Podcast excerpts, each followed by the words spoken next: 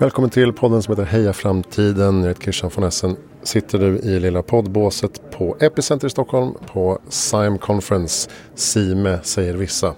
Eh, nu är jag här med Emma Stenström. Välkommen hit. Tack så mycket. Vi har ju faktiskt poddat en gång tidigare men det var en inofficiell podd som var beställd av eh, Statistiska centralbyrån. Och de fick den som internutbildning. Och sen så har vi inte gjort något officiellt efter det. Så det är jättekul att du kunde ta dig tid efter detta scenframträdande med Ola Alvarsson. Precis. Mm. Hur ska man sammanfatta dig? Eh, docent i företagsekonomi, mm. krönikör i Dagens Industri, mm. författare, föreläsare, ja du har gjort lite allt möjligt. Mm. Aktuell med en bok som heter Bubbelhoppa. Eh, är det något mer vi bör få med? Halvaktuell får man säga. Det har varit ute ett tag vid det här laget. Ja, men jag har inte läst den så det är fortfarande... den är fortfarande aktuell. Ja.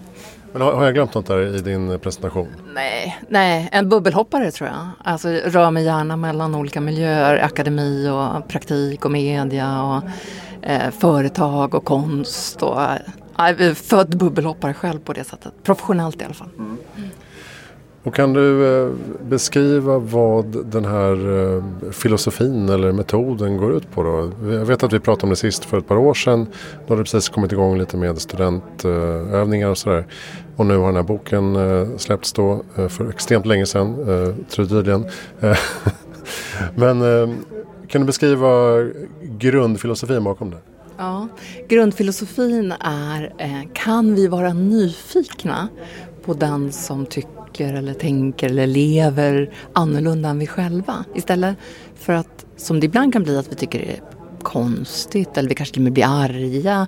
Så kan vi väcka nyfikenheten istället och kan vi träna upp forskningsbaserade till och med skulle jag våga säga, förmågor för att göra de där mötena lite enklare. Det är det jag håller på med, både med studenter och i organisationer rätt mycket och mellan organisationer och alla möjliga sammanhang. Det är vansinnigt roligt. Ibland tänker jag att alltså den här förmånen att just få koppla samman människor från olika fält, det behöver inte alltid vara så laddat. Ibland är det laddat men inte alltid. Det är ju bara så här kopplerskan, det finns ju inte en roligare roll. Nej jag vet, jag, jag eh, får ibland den rollen också. Och eh, jag gillar det här begreppet weaver, att man väver samman olika discipliner och personer och organisationer. Så det finns en sån organisation som ju heter just sociala vävare. Alltså. Ja, i USA som är startat bland annat av David Brooks som skriver i New York Times krönikor. Eh, som just försöker fånga upp och stötta olika sådana små rörelser som sysslar med precis det här vävandet sociala vävandet. Mm, häftigt. Men eh, hur går bubbelhoppandet till i praktiken då? Det låter ju enkelt men det kanske inte är så lätt eh, eh när det kommer till kritan. Ja, men det, det, kan ju vara lite olika. Det kan vara enkelt, det kan vara svårt, det kan ibland gå åt skogen. Eh, och det beror väldigt mycket på i vilken miljö. Om det är studenter då kan jag ju, det kan vara både studenter vid Handelshögskolan där jag undervisar framförallt, men även andra studenter. Jag har till exempel just haft en kurs på Grythyttan med kockar och sommelierer. Så det kan även vara andra studenter, behöver inte vara bara handelsstudenter.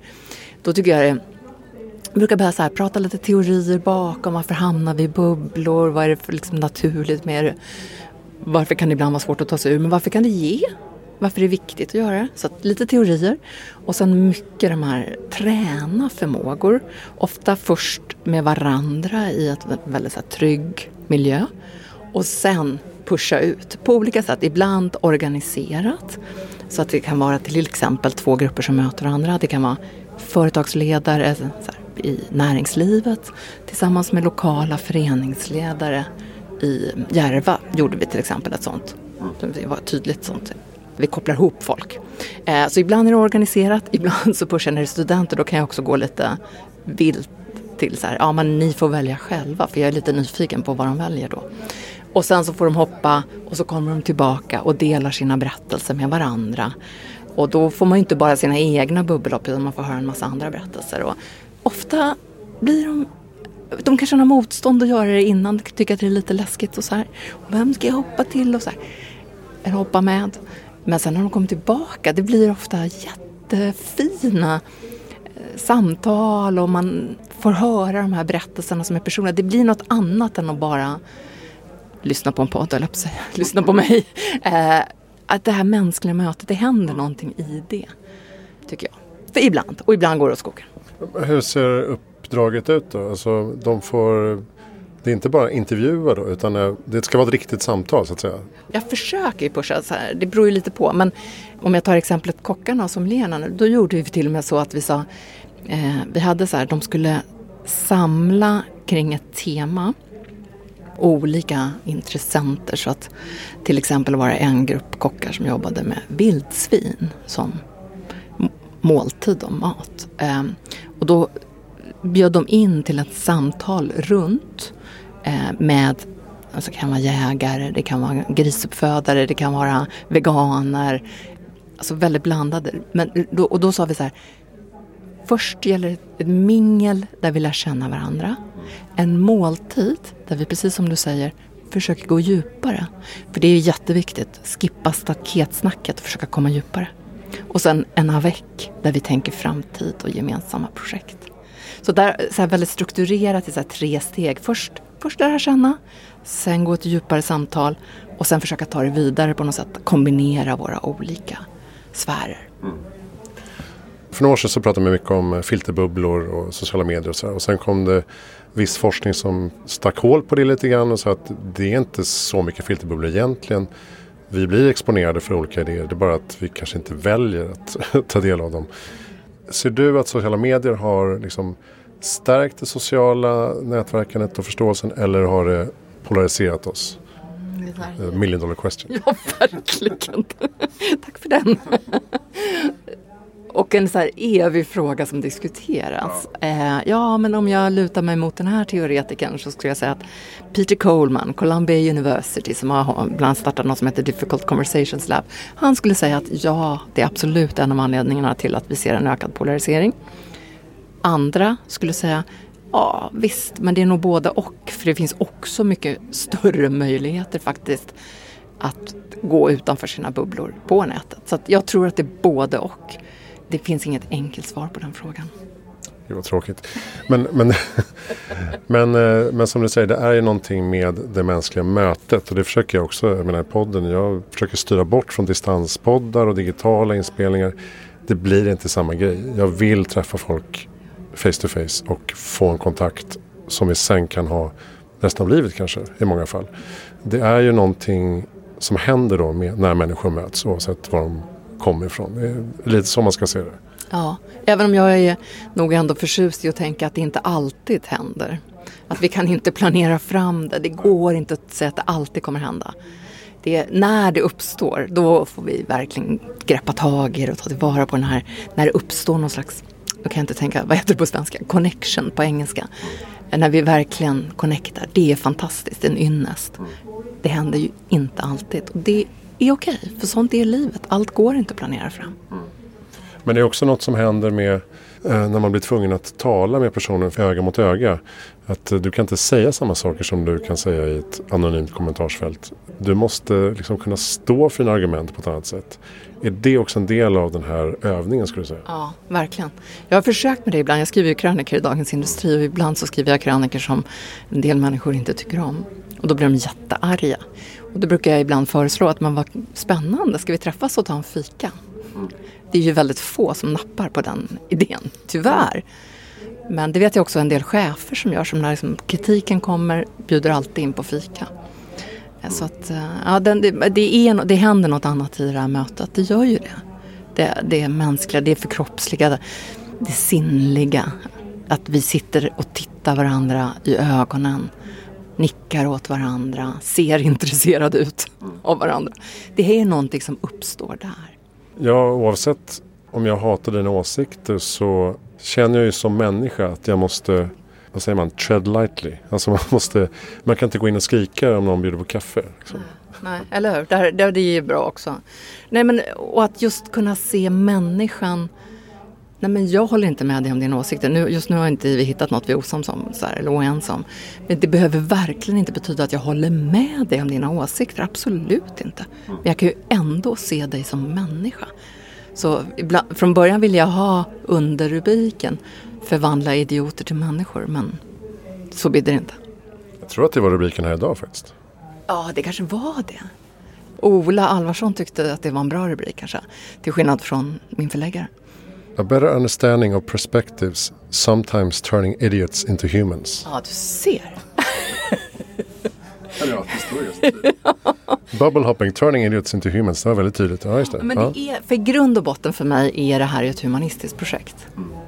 Det är ett humanistiskt projekt. Eh, att, att försöka liksom verkligen möta som människor, se människan bakom. Och kanske inte alls alltid hålla med om åsikter. Eller livsstilar eller värderingar eller vad det månde vara. Men vi är alla människor. Ja, och jag tänker ibland, jag har ju haft nu 500 gäster i podden. Jag håller inte med om allt de säger förstås. Jag är nyfiken på allt de säger. Men, och då kommer nästa fråga, borde jag då bjuda in folk som har extrema åsikter för att förstå dem och samtala med dem? Men då innebär det att det är en plattform åt extrema åsikter. Där tycker jag det är lite svårt att navigera ibland. Ja, jag tycker ju, jag är ju som delar din åsikt här. Att eh, det är väldigt stor skillnad mellan att mötas och prata och att ge någon en plattform. Jag tycker också man kan sätta upp gränser för vilka man vill möta. Man behöver faktiskt inte möta alla. De gränserna kan man också dra. Det jobbar jag jättemycket med med studenterna. Att du behöver faktiskt, och du ska självklart inte träffa någon som så, du är traumatiserad från eller en förövare. Det, är, det är alltid gränser. Och plattform, nej jag tycker inte det. Jag tycker faktiskt inte det. Så det tycker jag inte. Men jag är lite nyfiken på dig. Vad gör du för att få, du som har träffat de här 500 personerna, har du några knep för att just skapa den här anknytningen och få människor att prata? Ja, att uh, hålla min käft. Om du är tyst så börjar någon prata. Jag tror att jag var ganska trött på självupptagna poddare och journalister och reportrar som hela tiden ska avbryta och debattprogram går inte att titta på för att det bara, man snoppas av hela tiden och den som skriker högst får komma till tals mest. Eh, så att det var väl någonstans där jag tyckte att ja, men om jag bjuder in folk och låter dem prata till punkt så kanske det tar en och en halv timme eller 20 minuter, det spelar ingen roll. Men samtalet tar den tid det tar och det brukar bli, folk brukar gå därifrån ganska med lätta steg oftast. Och tycker att det var rätt härligt. Det blir en slags terapeutisk funktion nästan. Mm. Mm. Tid blir då någon faktor i det här. Att man får tala till punkt. Någon som lyssnar. Och du ser också ut som du lyssnar. Det, det... Jag har på mitt lyssnarface. Men eh, försöker du tänka bort, jag menar du är ju på Handels, försöker du liksom tänka bort att det här ska ha någon ekonomisk vinning eller någon uh, return on investment i de här bubbelhoppning eh, eh, praktikerna. Du säger att det är ett humanistiskt projekt. Vill du undvika att det blir ett företagsekonomiskt projekt? Ja, denna eviga fråga också. Den, nästa så här, den stora frågan där jag alltid, det är samma sak, jag håller på mycket med konst i ja, ekonomiska sammanhang. Det blir ju samma fråga eh, egentligen i grund och botten jag, jag sett som jag ramar in det så handlar det framförallt om hållbarhet. Eh, jag har med det kurser som handlar om social hållbarhet, eh, om samhället och, om hållbarhet överhuvudtaget. Det kan även gälla ekologisk hållbarhet. Men jag ska erkänna att jag nog också för att liksom sälja in det lite alltid faktiskt också brukar slänga in de där sakerna. Ja, det är bra att göra som du ska bli chef och bra i organisationer och olika perspektiv och ja, jag, bra att förstå kunderna. Ja, men kan ju, man kan ju lägga in en massa sådana argument. Jag gör nog det. Eh, och då tror jag ändå att min hållning är, precis som med konsten, att det här mänskliga mötet, det är något det går inte riktigt att instrumentalisera ändå. Det går inte riktigt att... Och det är värdefullt i sig. Så att jag litar på att det kommer att bära även genom de värsta företagen, får jag säga det när jag kommer från handelskapitalistiska eh, ja, vad det nu kan vara. Nej, men, jag, jag, det, men det är samtidigt, jag, ibland så jag ska inte förneka att jag absolut, jag jobbar ju med organisationer, det gör jag. Och jag jobbar på Handelshögskolan det kanske är dags att erkänna att jag nog ändå sysslar med det här. Så. Ja. Mycket av diskussionen kring, eh, vi har haft eh, representant från Inner Development Goals här tidigare idag. Eh, man pratar ofta om empatiskt ledarskap och lyssnande och så vidare.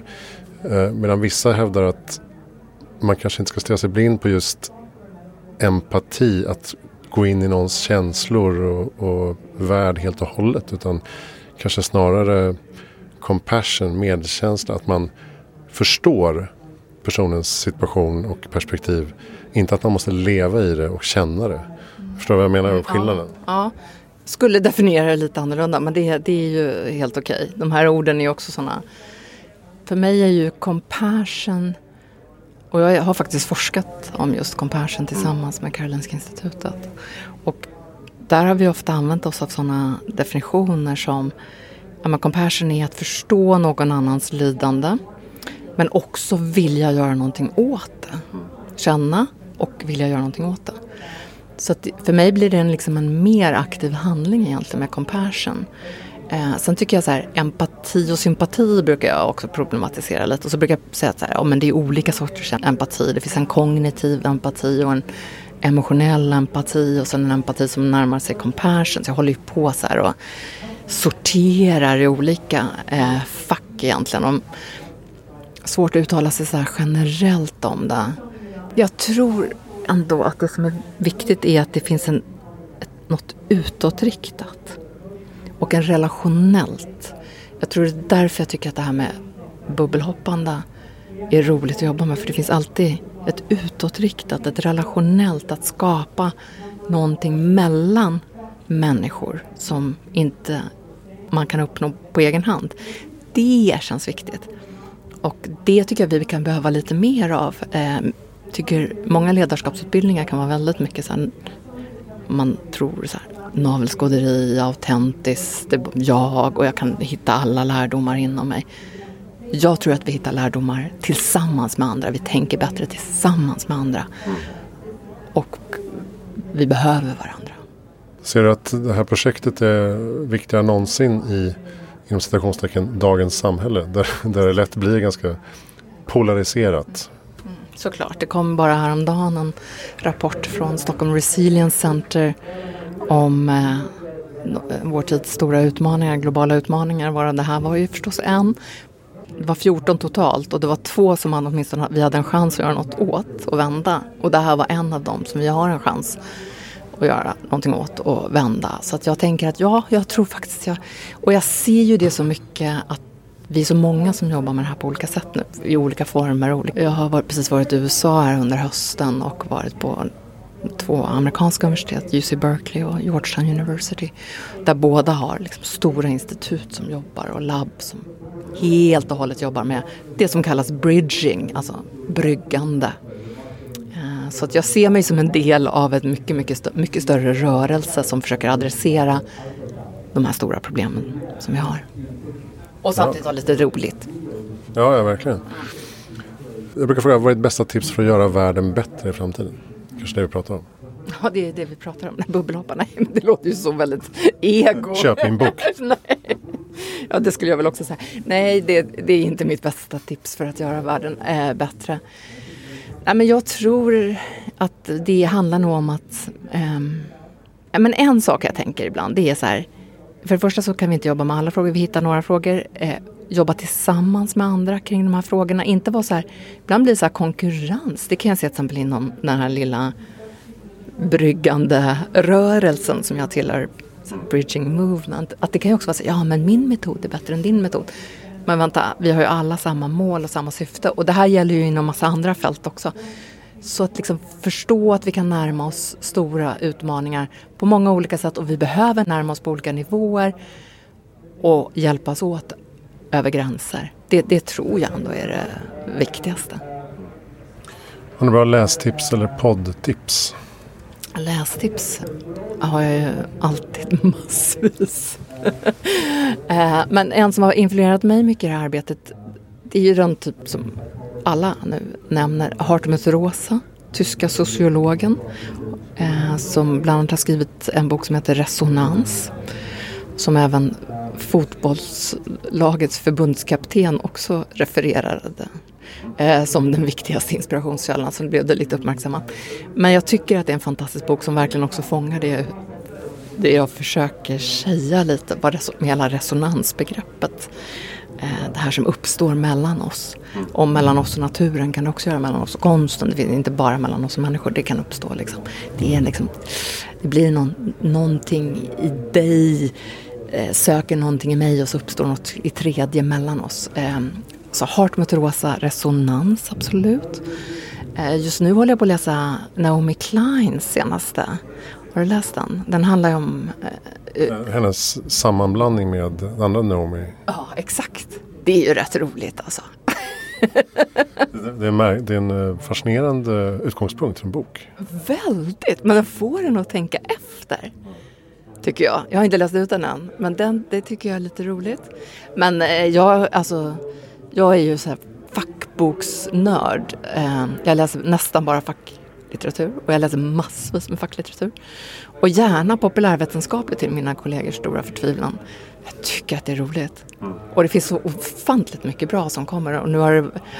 Äh, det jag skulle kunna hålla på och bara rabbla resten av timmen här, facklitteratur att läsa. Eh, vem tycker att jag ska intervjua?